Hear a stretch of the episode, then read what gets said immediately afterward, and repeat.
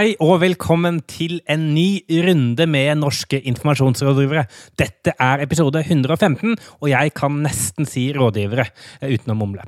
Eh, Jeg heter Marius Torkelsen, og jeg har med meg mine to rådgivervenner som stråler like sterkt som solen utenfor her i Oslo. Velkommen til Sindre Holme og Marius Staulen. Hei, gutter! Hei sann! Tusen takk. Tusen takk. Takk, takk. Hvordan, eh, hvordan går det med dere? Har, det, har, har dere det fint? Hva med deg, Marius, oppe i, nord? Hva, hvordan er det å være i nord og drive med kommunikasjonsfag om dagen? Akkurat det med kommunikasjonsfag, det er stort sett det samme hvor man er. Det som irriterer meg om dagen, det er det at vi har, altså, vi har foreløpig hatt eh, temperaturer over 20 grader her oppe, og det bekymrer meg, for Altså, nå nærmer vi oss sankthansaften, og, og der omkring så snur sola. Og hvis ikke vi får 20 grader fram mot sola snur, ja, da, ja, da blir det en kjip sommer.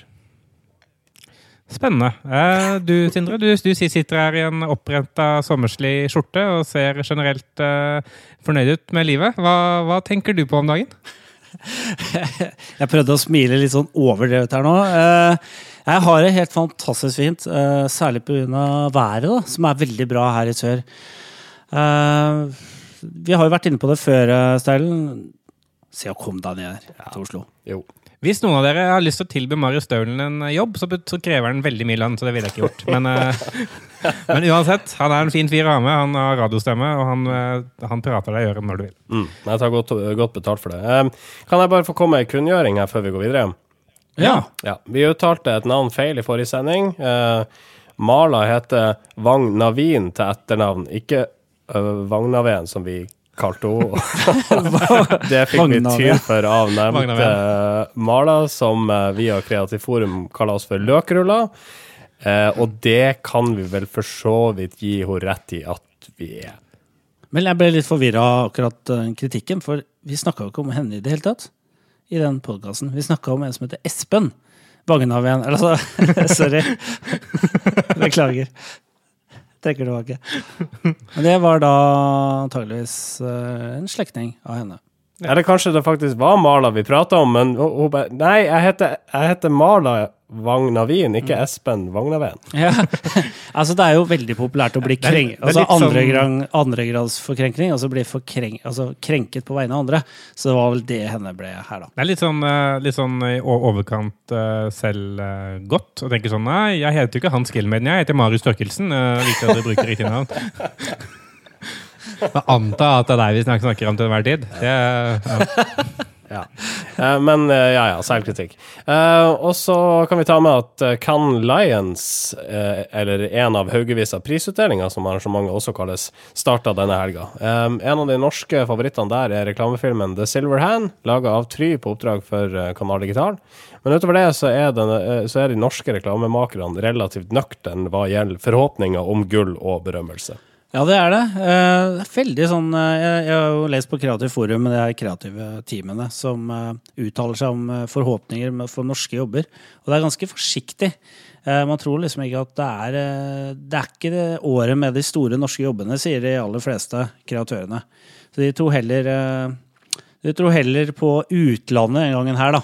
Men, men eh, dette, denne verdens beste reklamekampanje, eller hva man skal kalle det, uh, i fjor, uh, Stopp bryllupet med Thea og Geir, er ikke det Kan det være med i Cannes? Eller får de ikke lov til det? Jeg, jeg, jeg vet Jeg tror kanskje den er meldt på, men den er jo ikke trukket fram som en favoritt. Og det tror jeg kanskje er er på fordi reklamebyråene hater trigger, da. Ja, ja, kanskje det er derfor. Ellers er det pga. at ideen ikke er original. Da. At den har vært gjort før. Ja, det kan forstå hende. Eh, og det er jo en kreativitetskonkurranse, så da blir det litt feil. Ja. Nei, eh, kan jeg komme med en kunngjøring ja, mens vi er i gang? Eh, for eh, denne uken så ble det klart at vi i NIR vi skal på høstseminaret! Høstseminaret! Høstseminaret! Høstseminaret. Eh, vi skal eh, få lov til å avrunde hele høstseminaret med en live podkast. Eh, og det bør jo folk komme og se på, syns jeg. Så, så dette blir jo selvfølgelig skamløst betalt for, men meld, meld dere på høstseminaret. Det er, et, det, er bra, det er faktisk et bra arrangement. Og det står også her i manuset mitt at det blir interessante faglige diskusjoner. Så dukk opp. Ja, for vi får betalt for å reklamere for høstseminaret gjør vi ikke det? Ja, eh, men eh, vi, eh, vi kunne, kunne ikke gjort dette hvis dette var liksom, journalistenes seminar. Så vi er, veldig, vi er ganske vi er ganske selektive på hvem vi velger å ta imot penger for å reklamere for fra. Ja, det er vi. Og så er det jo viktig for oss nok en gang å understreke at vi anerkjenner ikke eh, Vær varsom-plakaten. Nei. Virkelig ikke. Vi syns at det er et mål i seg sjøl at eh, redaksjonelt eller at uh, kommersielt stoff skal forkles som redaksjonelt innhold. Ja, altså Nå har det kommet en revisjon av Vær varsom-plakaten, så det er mulig at vi, vi, kommer til å følge den kommende Vær varsom-plakaten, men det vet vi ikke, den vet vi ikke hvordan blir. Så Vær enda varsommere-plakaten. Ja, ja. Mindre varsom-plakat kan jo være aktuelt for oss. Så der deltar vi, altså. Så kom dit. Kom dit. Det blir gøy. Ja. Utover det så følger vi vel kardemommeloven sånn høvelig i det vi gjør her. Vi plager ikke andre, vi er greie og snille og gjør for øvrig det vi vil. Hjertelig velkommen til Norske informasjonsrådgivere, episode 115. Norske informasjonsrådgivere. Etter år med produktutvikling er VR-brillene Oculus Rift nå snart klar for markedet. Samtidig har mange andre aktører kommet på banen, deriblant Google, Samsung og Sony. Mange spår at 2015 blir det store gjennombruddsåret for VR-teknologien, og at virtual reality kommer til å endre en del bransjer.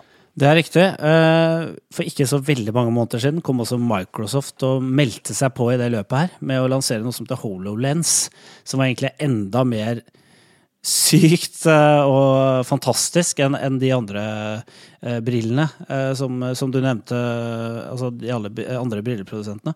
Og nå er jo, etter veldig mye snakk da, om denne teknologien, så kommer jo nå endelig eh, Oculus da, og med briller for liksom massemarkedet, og det har Samsung også gjort. Og nå er spørsmålet hva liksom, kan de brillene bety, for det har vært så utrolig mye hype rundt det.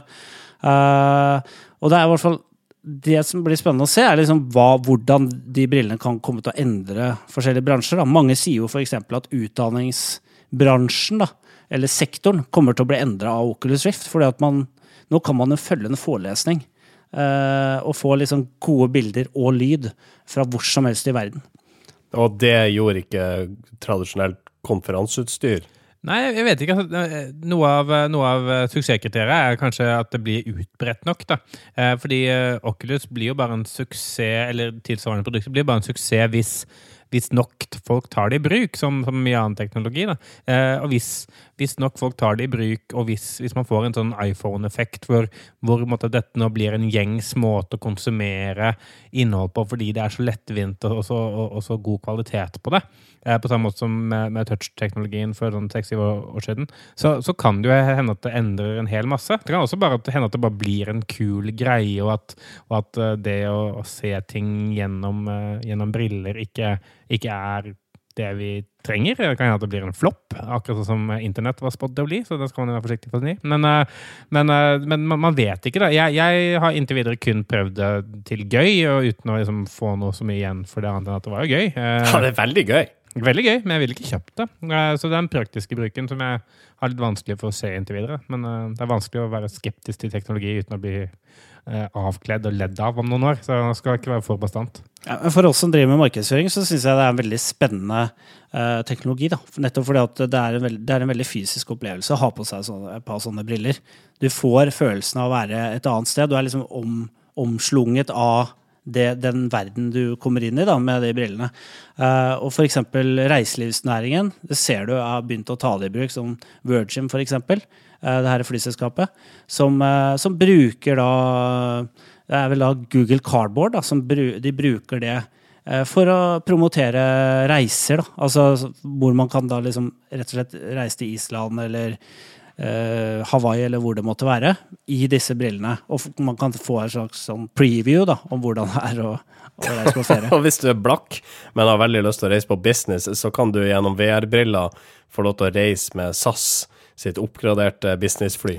Ja, da kjøper du deg en Tom Collins på, på, um, på dagligvarebutikken, og så blander du opp litt, uh, litt hjemmelaga sprit. Og setter en paraply oppi der, så, så er du på en måte i Syden. ja. Eh, vi kan selvfølgelig le av det, men altså, en av de tingene som jeg har sett eh, med disse brillene her, og en industri mange er veldig spent på når skal komme for fullt uh, Komme for fullt? Er det, er det frempek? ja. Men porno, eh, pornobransjen har definert en del andre bransjer tidligere. Altså de, eh, det var vel eh, den bransjen som sa at vi, vi velger VHS i stedet for Betamax, og det var uh, den bransjen som sa vi velger DVD i stedet for alternativet den gangen, og det samme gjelder Blu-ray foran HD. DVD. Er det nå slik at også nevnte bransje skal få definere hvilke briller som blir allemannseie? Ja, men jeg vet ikke om hvis det er det eneste, eneste formålet du, du skal bruke disse brillene til, så er det likevel 2000 relativt mye for å liksom aldri trenge å forholde deg til en kvinne igjen, da. Eh, Eller ka- ka- kanskje ikke, men uh, jeg, er litt sånn vans, vanskelig for å se, se den praktiske bruken her utover underholdningen. Eh, Når det er sagt, så er jeg jo på den annen side veldig veldig positiv til HoloLens, og det mener jeg er det kuleste som har skjedd. Det bør gå tilbake i arkivet og høre på, på vår snakk om det, fordi den var, den var bra, denne episoden.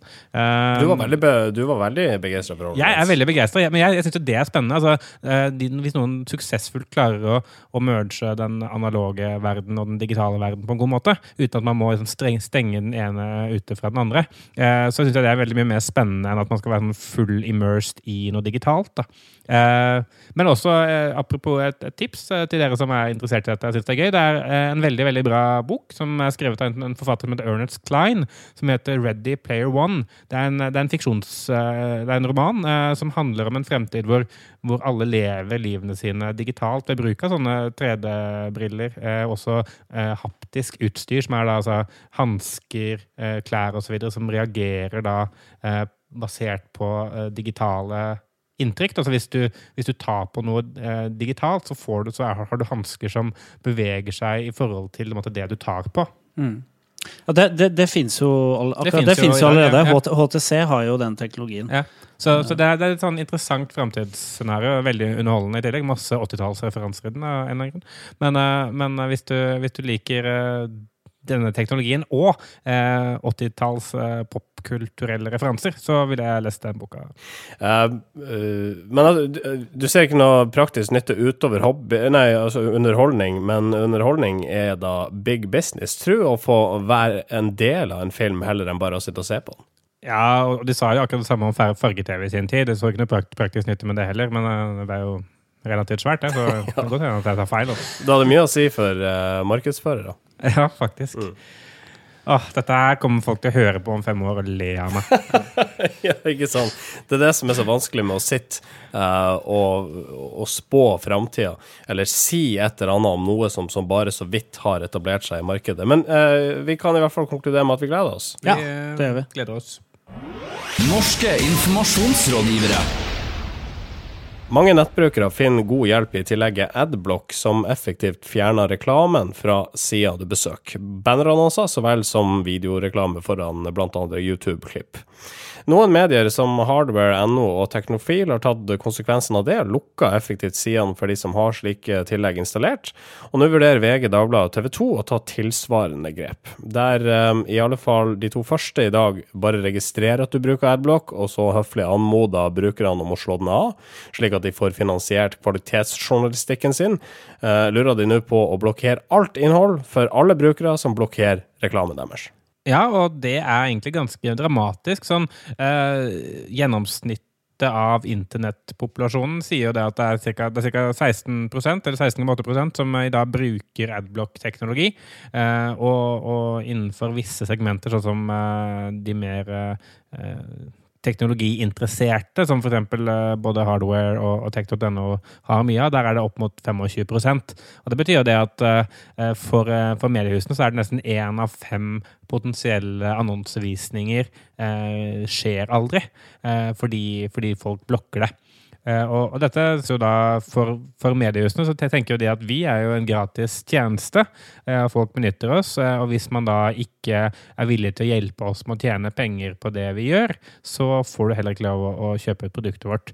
Når det er sagt, så det kan jeg si selv som en person som har anbefalt kunder å kjøpe pre-rolls eller eh, internettannonsering før korte YouTube-klipp eh, osv. Det er sykt irriterende. Jeg forstår behovet, eh, men likevel, det er et, kanskje et nødvendig onde. da. Altså, det som er utfordringen her nå, eh, det er jo det som den utviklingen, eller nyheten som kom nesten samtidig med at uh, Skipsstedet og TV 2 og de andre Dagbladet og Nettavisen gikk ut og sa dette her, det er at Apple har annonsert at de vil tillate adblock i Safari, i den nye eh, nettleserutgaven sin, og gjøre det mye enklere å, å, å, å, try- å trykke play, holdt jeg på å si, eller legge på adblock da, i nettleseren. Ja, Sånn det er, ikke, det er ikke dramatisk fordi at eh, Safari er så voldsomt populær på Mac OS eller i Windows, men det er fordi at de vil tillate tillegget brukt også på IOS-plattformene sine, altså, eller også på IOS-enhetene, iPad og iPhone. Ja, det, det er dramatisk, fordi eh, mobilannonsering, hvis man ser på det norske markedet alene, er jo er fortsatt en, en, eh, en bransje i vekst. Og hvis plutselig man eh, luker bort annonsering på halvparten av eh, håndsettene i Norge, eh, som jeg antar Apple står for, uten å kunne de tallene i hodet, eh, så, så er det dramatisk. Fordi eh, det man jo ser, er det at eh, mange velger å benytte seg av det når de, når de har mulighet til det. Eh, og, og det, det en, jeg så en undersøkelse på det er mange flere som har- lyst til å bruke adblock enn det som gjør det, og mange vet rett og slett ikke hvordan de skal få det til. Da.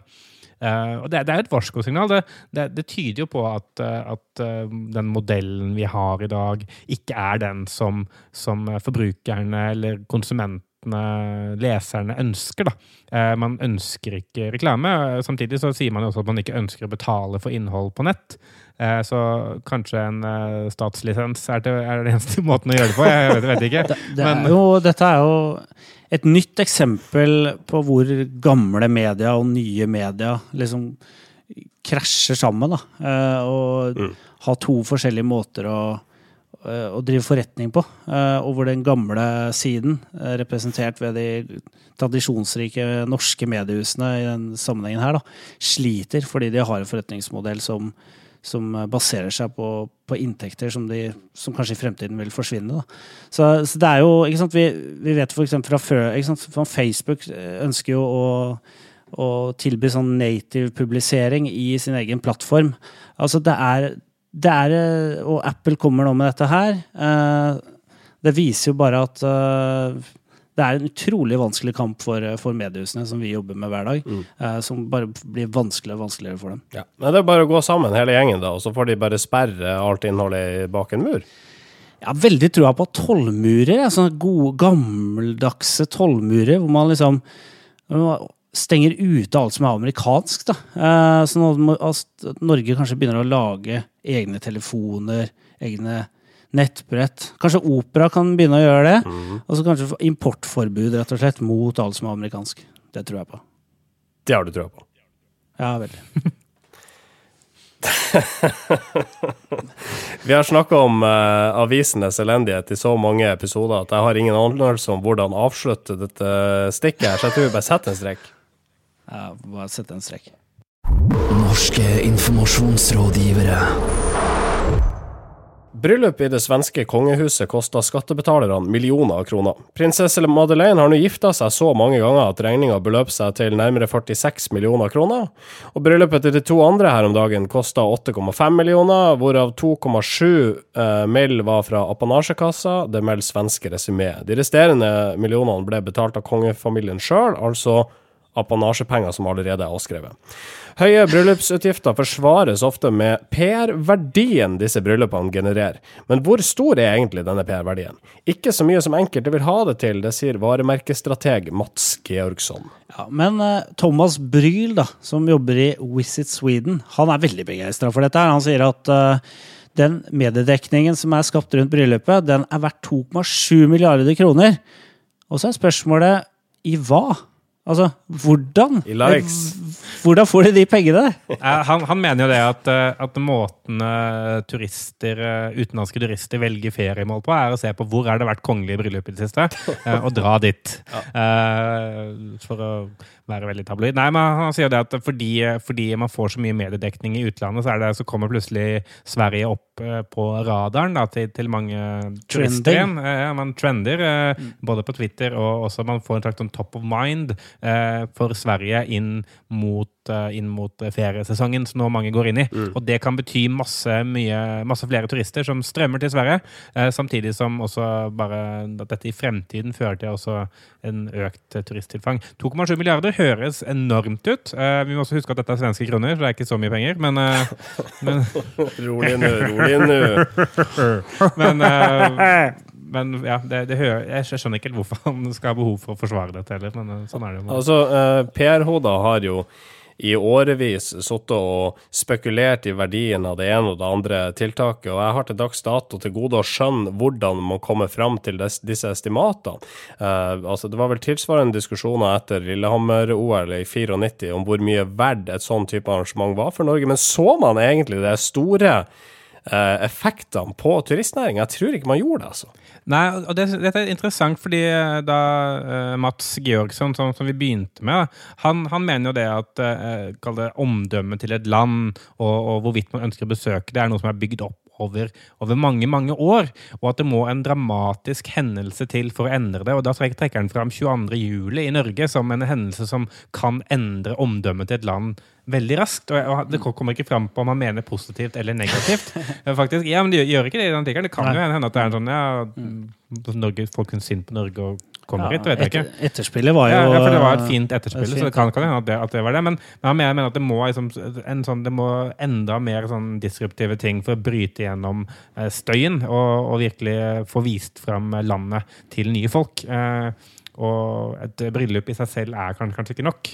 For det er ikke så spennende et bryllup. Jeg syns det er kjedelig. Jeg, og det er kanskje sånn for de som er da veldig interessert i bryllup, eh, og som følger mye med på det, så får de kanskje da en økt eh, Kall det kjennskap eller økt eh, sånn top of mind for Sverige som destinasjon. At man tenker på landet og tenker hm, ja, kanskje Sverige, kanskje vi skal besøke det. Det så jo fint ut på, på bildene fra det bryllupet. Eh, så kan, det er sikkert noen som da kommer på bakgrunn av det, men det er sikkert veldig korrelert med hvorvidt du syns bryllupet er interessant eller dørgende kjedelig. ja, det er kanskje sånn 17 stykker som kommer til Sverige, Besøk Stockholm som følge av det bryllupet. Og melder seg, så bruker de 2,7 milliarder kroner, ifølge enkelte. Ja, det kan hende hvis du kjøper en del eiendom, f.eks. Altså gamle slott og, og gods og sånn. Uh, Det er bare 150 millioner hver. er ikke så ille. Altså det, det vi vet, da, det, eller det vi er ganske sikre på, det er at sånne type eh, bryllup, sånne type hendelser, det, det, det virker på å forsterke, eller det liksom manifesterer den, de tradisjonene som Sverige allerede har, da, eller landet allerede har. Så det har mer en intern effekt enn, enn nødvendigvis en sånn turisttilstrømningseffekt. Da. For det er noe med liksom, eh, hver gang det er et kongelig bryllup, så blir man minnet på at ja, det, ja konge og kongehus har vi jo hatt i hundrevis av år, liksom. Det er jo da er alt sånn det alltid har vært. Eh, og sånn skal det vel være. Eh, så, det er, så det er noe med liksom, Du får liksom bekrefta de institusjonene de allerede har, og, og tenker sånn ja, ja. Dette er Sverige, liksom. Ja. Dette, dette er sånn Sverige. Og så er jo spørsmålet liksom er det tradisjonsrikt da, eller er det bare gammeldags? er, hvordan fremstår Sverige? Det kommer an på hva slags preferanser du har da, som turist, eller Ja, man, hva slags verdier som jo- ligger i bunnen hos deg. Man vet jo at monarkiet i seg sjøl er voldsomt omdiskutert. Altså På den ene sida så har du noen som sier å, vi måste ha det som vi alltid har hatt det. Haft det, men ja. Og så på den andre sida så har du, har du en haug med mennesker som sier at det her er bare tøv, kan vi ha republikk? Så selv ikke i eget land klarer man å samles om dette her og enes om at dette her er helt jättebra. Og så eh, presenterer man det her, her ute i en verden der man har haugevis av uh, moderne republikker uh, som ser på monarkiet som et eller annet småmerkelig. Men det, men det er jo en del uh, sånne kvinnelige republikanere som, uh, som må liksom gi tapt uh, når det er sånne bryllup, fordi, fordi de, de liksom må veie De er veldig opptatt av kjoler. Men så er de republikanere, og så er det bryllup. Og så tenker jeg jeg er litt begeistra for det bryllupet, for det er så mye flotte kjoler. For selv, selv om de er republikanere, så er, så er de først og fremst kvinner. Eh, Det kom, kom Ja, ja, kjoleglade kvinner. Natur, ja, ja. ja, ikke sant? Altså, er tungt. den kjoledriften er selvfølgelig mye sterkere enn eh, denne republikanske driften. Da. Men eh, eh, for å gå litt tilbake til eh, tallene, 2,7 milliarder estimeres det her. Eh, la oss bryte ned. Har disse bryllupene overhodet noen positiv PR-effekt? Og da snakker vi ikke om intern eh, brandbuilding, da snakker vi mer om økt turisme. Altså, kan man dokumentere en slik sammenheng mellom antallet bryllup i et land og turismen?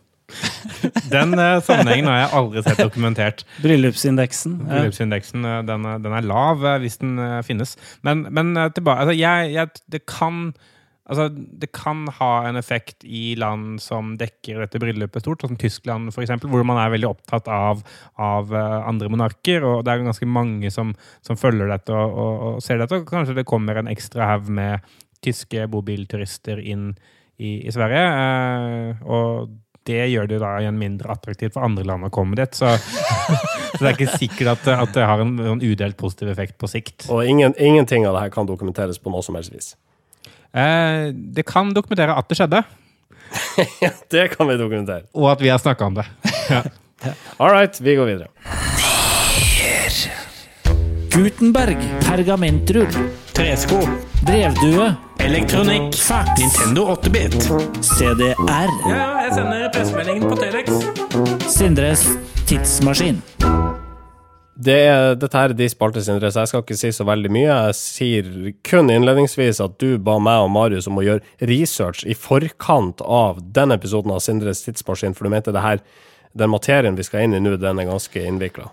Ja, jeg ba dere gjøre research, eh, men det er litt vanskelig. Eh, tidsmaskinen står jo i 2015, ja. og dere kan ikke bare ja, gjøre research tilbake i tid, sånn uten videre. Nei, så vi får bare reise tilbake. nytt- ja, vi får bare reise tilbake. Det er den beste måten å gjøre research på. Det er å reise tilbake til dit vi skal. Så Hvor skal vi reise hen? ja, hopp inn, da. Vi skal eh, til eh, 1927.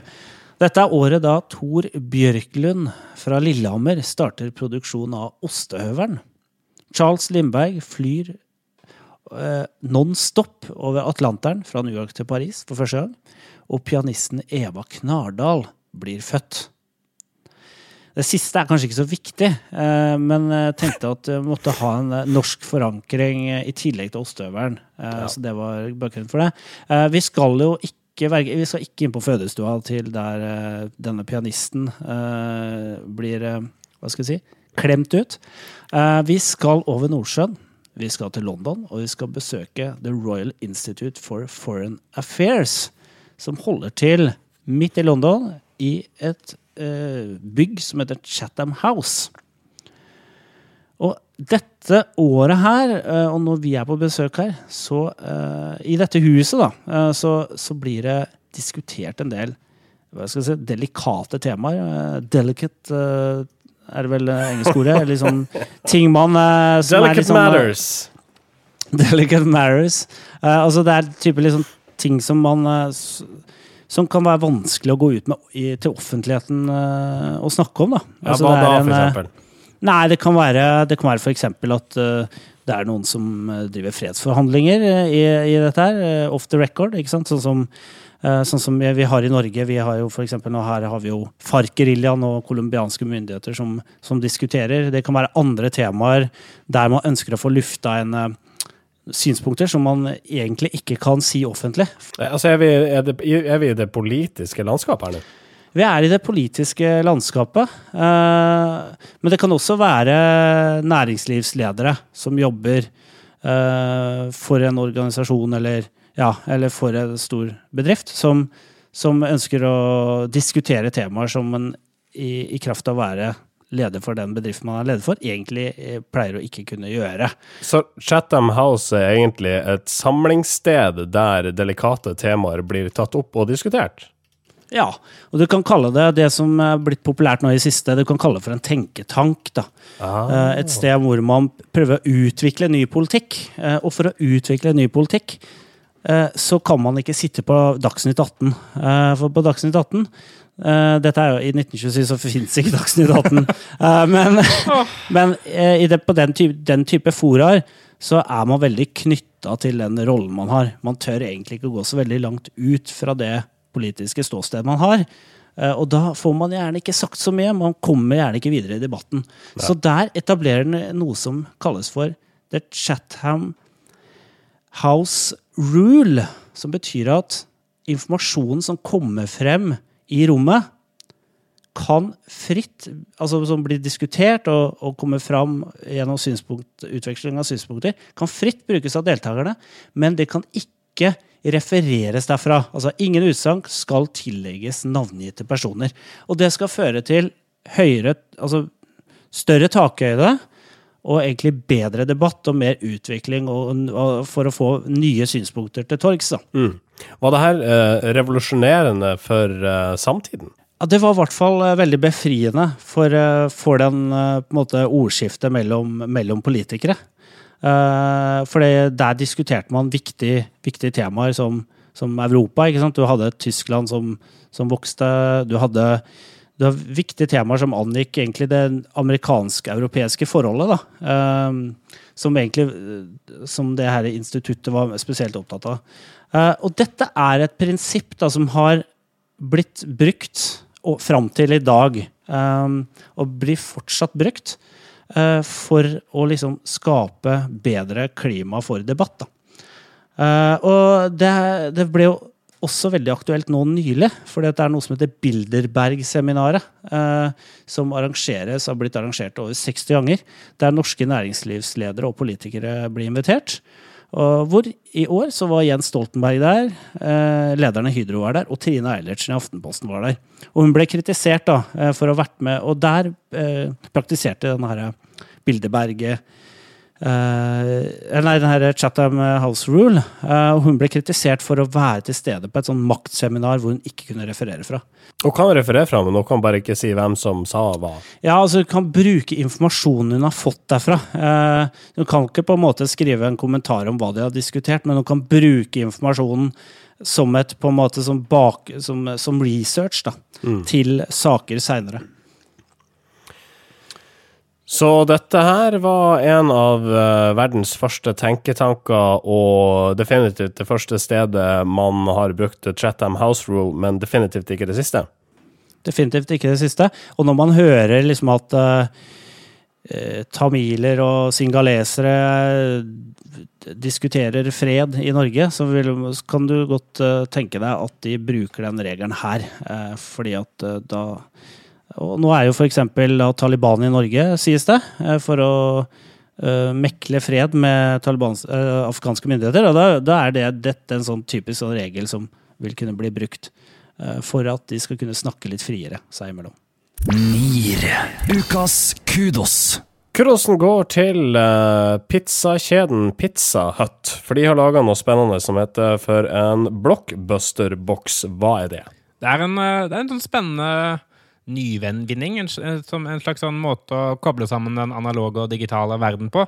Eh, For de har lagd en eh, pizzaeske som er formet eh, på samme måte som en prosjektor.